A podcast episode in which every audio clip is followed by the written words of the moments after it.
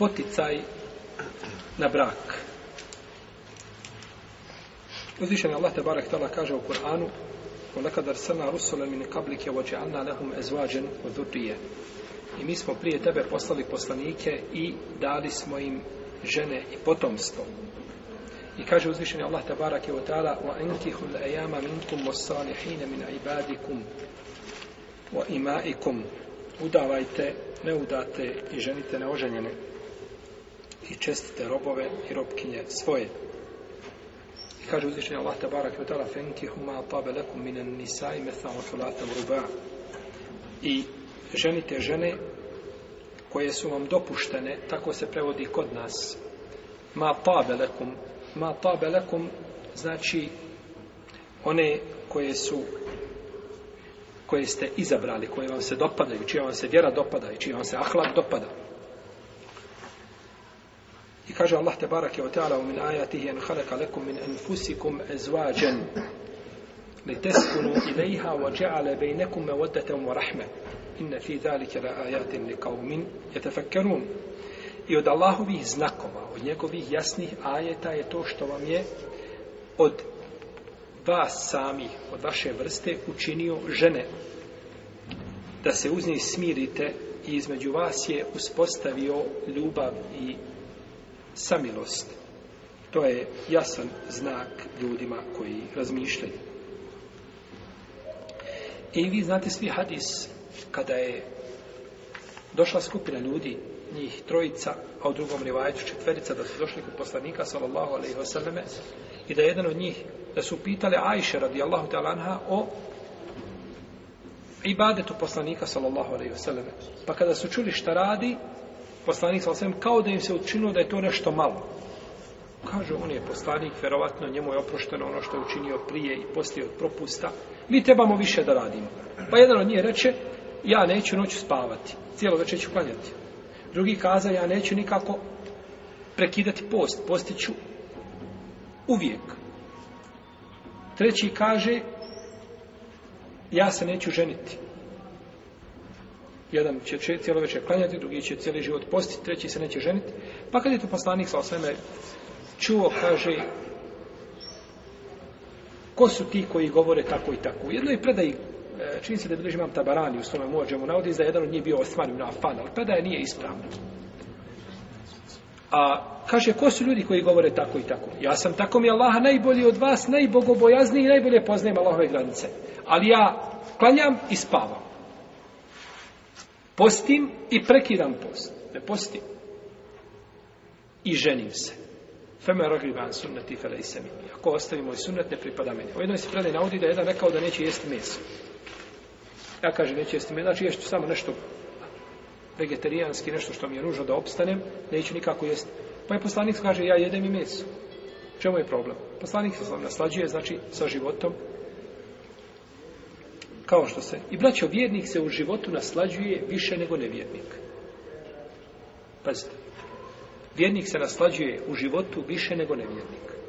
Nađite mi jednu stvar da se nevjernik naslađuje sa njom, a da ja nemam stvar sa kojom se naslađujem ljepše nego što se on naslađuje. Bojro. Ha. recite jednu stvar. Čime god da se ti naslađuješ, ja imam nešto čime se naslađujem i što mi je draže nego tebe. Naročito što mi muslimani imamo pravila, imamo principe u životu.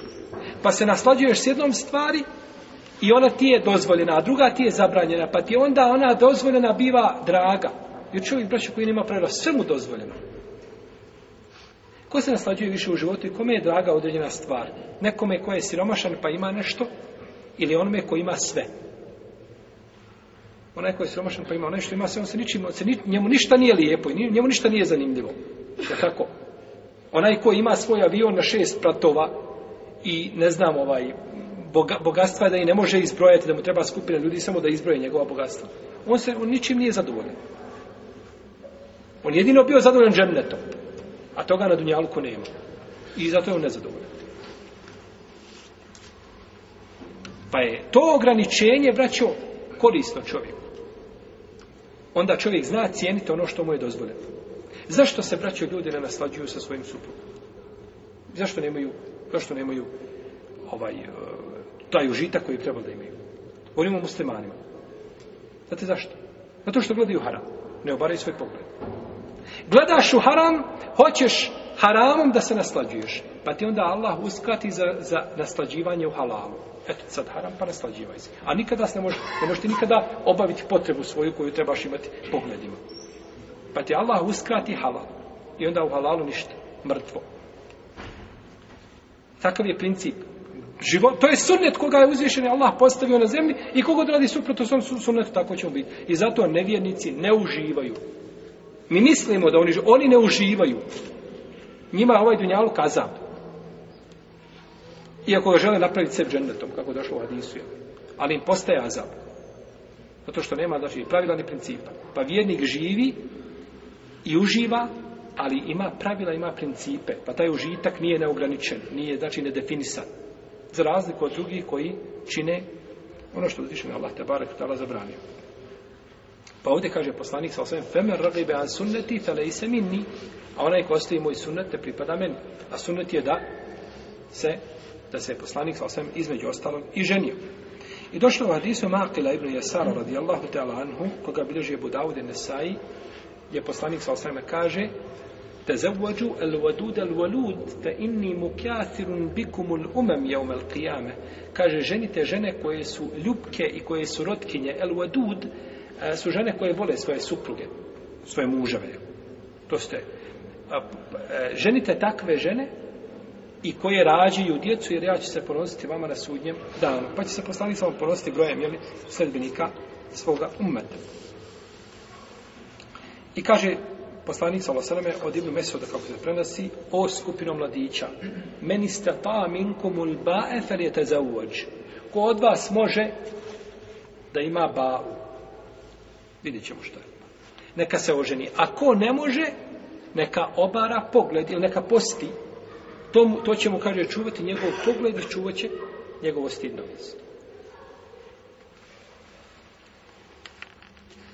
I kaže poslanik sa osaname, znači, jer pazite, ženite se, meni stamikom, felite za uoč, koji ima ba'u, a ba'a je ovdje materijalna, materijalna, znači ova mogućnost da se oženiš, da izdržavaš ženu, da je hraniš, da je odjevaš, jel, da je liječiš, kod one uleme koja kaže da je obaveza mužu da liječi žen i tako dalje.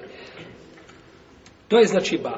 A nije mogućnost za odnosom, kao što neki to tumače. Jer ako bi bila mogućnost za odnosom, onda što bi mu poslanik sam preporučivao e, post? Čovjek se oženio i nema potrebe za ženu. Što onda treba post?